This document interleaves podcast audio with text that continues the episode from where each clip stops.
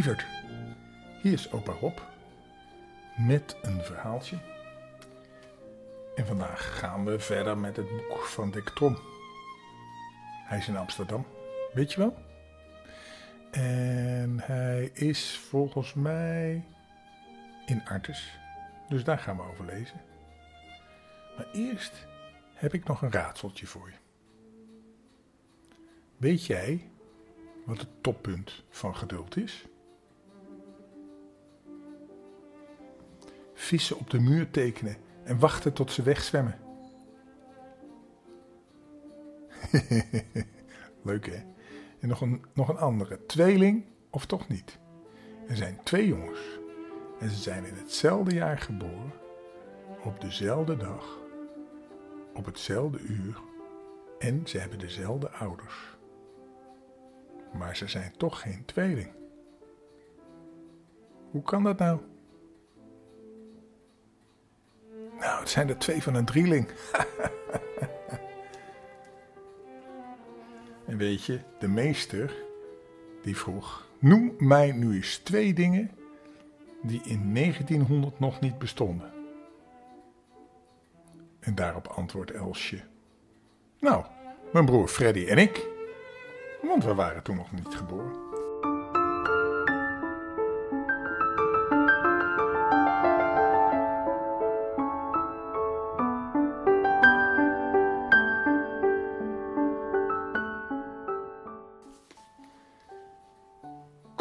We gaan weer een verhaaltje lezen. Dit verhaaltje heet Dick ontmoet een oude kennis en gaat op uit rijden. Je zou bijna al raden wie het is, hè? Want hij is een artis. Nou, ik zal je vertellen wie het is.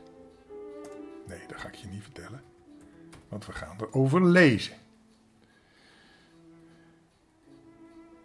Wat zag het er anders uit dan ze zich dat hadden voorgesteld?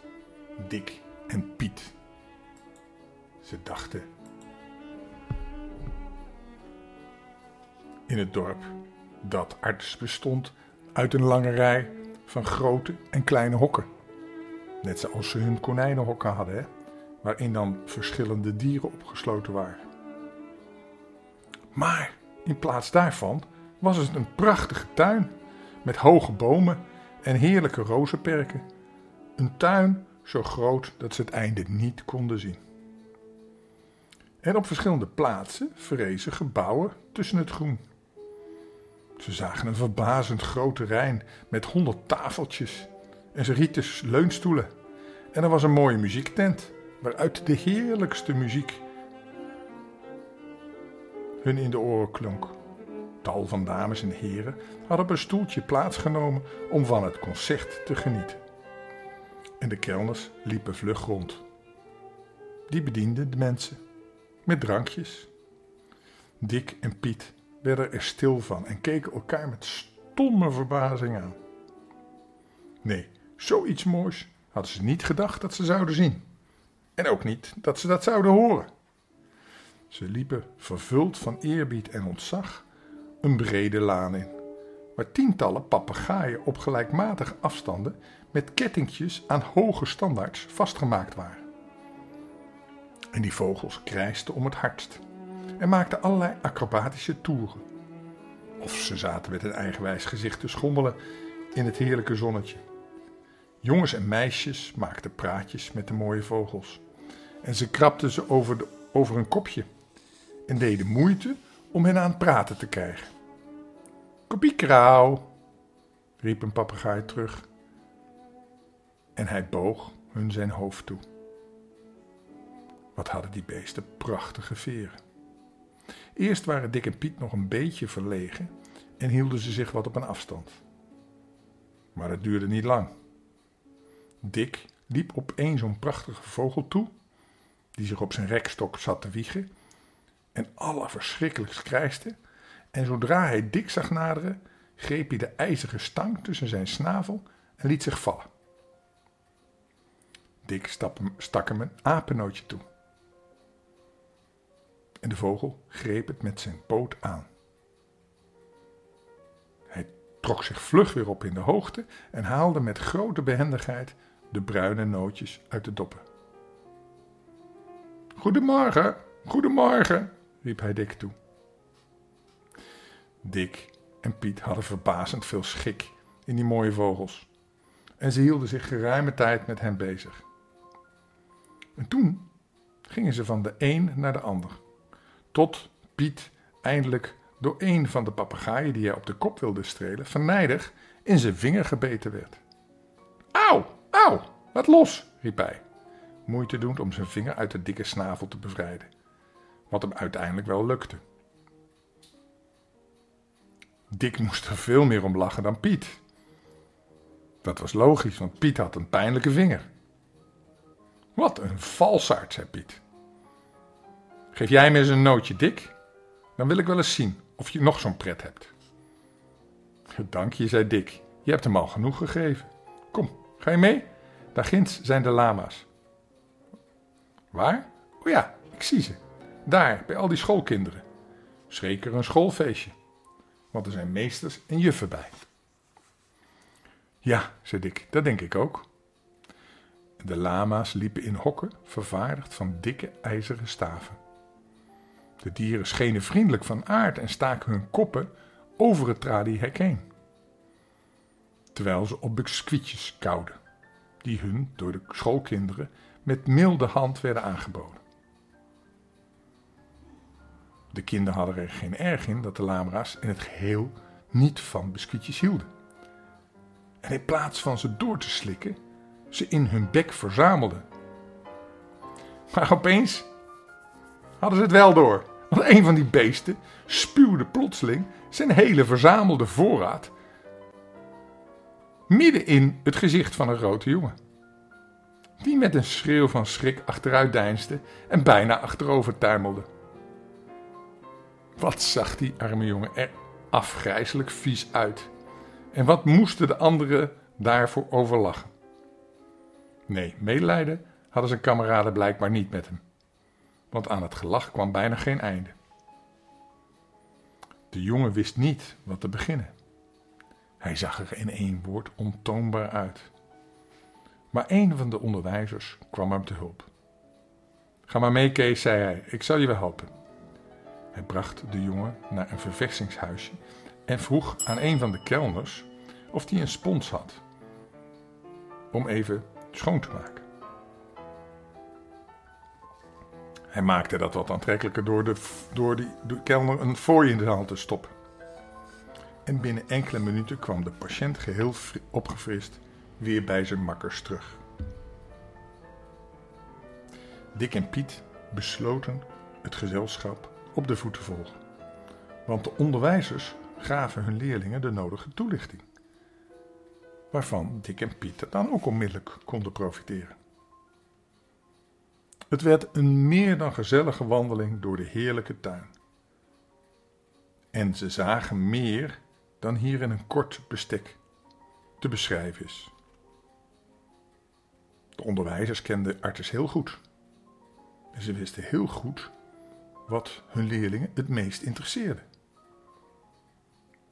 Ze hadden afgesproken de, de kinderen eerst de dieren te laten zien waarin ze het minst interesse zouden hebben en de geweldige kolos die altijd op de jeugd een enorme indruk maakte, voor het laatste bewaren. Dus kwamen ze eerst bij de marmotjes en de kleine roofdieren zoals wilde katten, bunzings en andere. En ook de eenden, ganzen, zwanen en lepelaars in de vijvers konden hen niet lang boeien. Maar voor de fraaie zebra's toonden ze veel meer belangstelling. Deze vlugge dieren stonden geen ogenblik stil. En toen een van de jongens er een wilde strelen, schudde het nijdig de kop en sloeg met zijn achterpoten tegen, het, tegen de ijzeren tralies.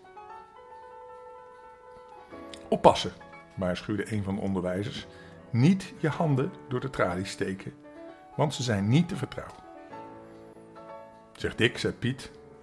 Twee zulke zebraatjes voor het mooie wagentje. Hoe zou je dat lijken? Nou, ik zou er nog liever vier willen, zei Dick.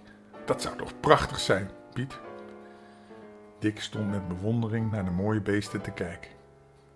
Kijk, ze zijn wel erg wild, zei Piet. Niet te temmen heb ik wel eens gehoord, zei Dick. Na de kalkoenen en pauwen bewonderd te hebben, bereikten ze de zeeleeuwen, die juist gevoederd werden. Onder een afgrijselijk gekrijs zwommen de dieren in het bassin rond, om alle vissen te bemachtigen die de oppasser hun van zijn hoge standplaats op de rots toewierp. Wat zagen ze er glibberig uit. En hoe onbeholpen kropen ze, zich voortduwend met hun sterke vinnen over de rand van het bassin voort. Het water kwam door hun snelle bewegingen enorm in beweging. En soms, als de man ophield met voeren, kropen de dieren tegen de rotsen op en wierpen zich, als de oppasser enige vis in het water gooide, met een plons naar beneden. De kinderen vonden het verbazend grappig en er steeg herhaaldelijk een vrolijk gelach op. Toen de vismand leeg was en de oppasser de zeeleeuwen verliet, kwamen de dieren tot rust en ze legden zich op de rand neer, om zich heerlijk in het zonnetje te koesteren. De vreugde van het jonge volkje steeg echter ten top bij het bezichtigen van de aap. Dat waren pas olijke dieren. En wat zagen die er eigenwijs uit? En wat maakten zij potsierlijke bewegingen? Herhaaldelijk steeg een gejuich op uit de kindertroep. Als er een of ander onbarmhartig bij zijn staat greep. Ja, eenmaal trok er zelfs eens een kameraad zo bij zijn staart dat hij tot hoog in de boom omhoog vloog.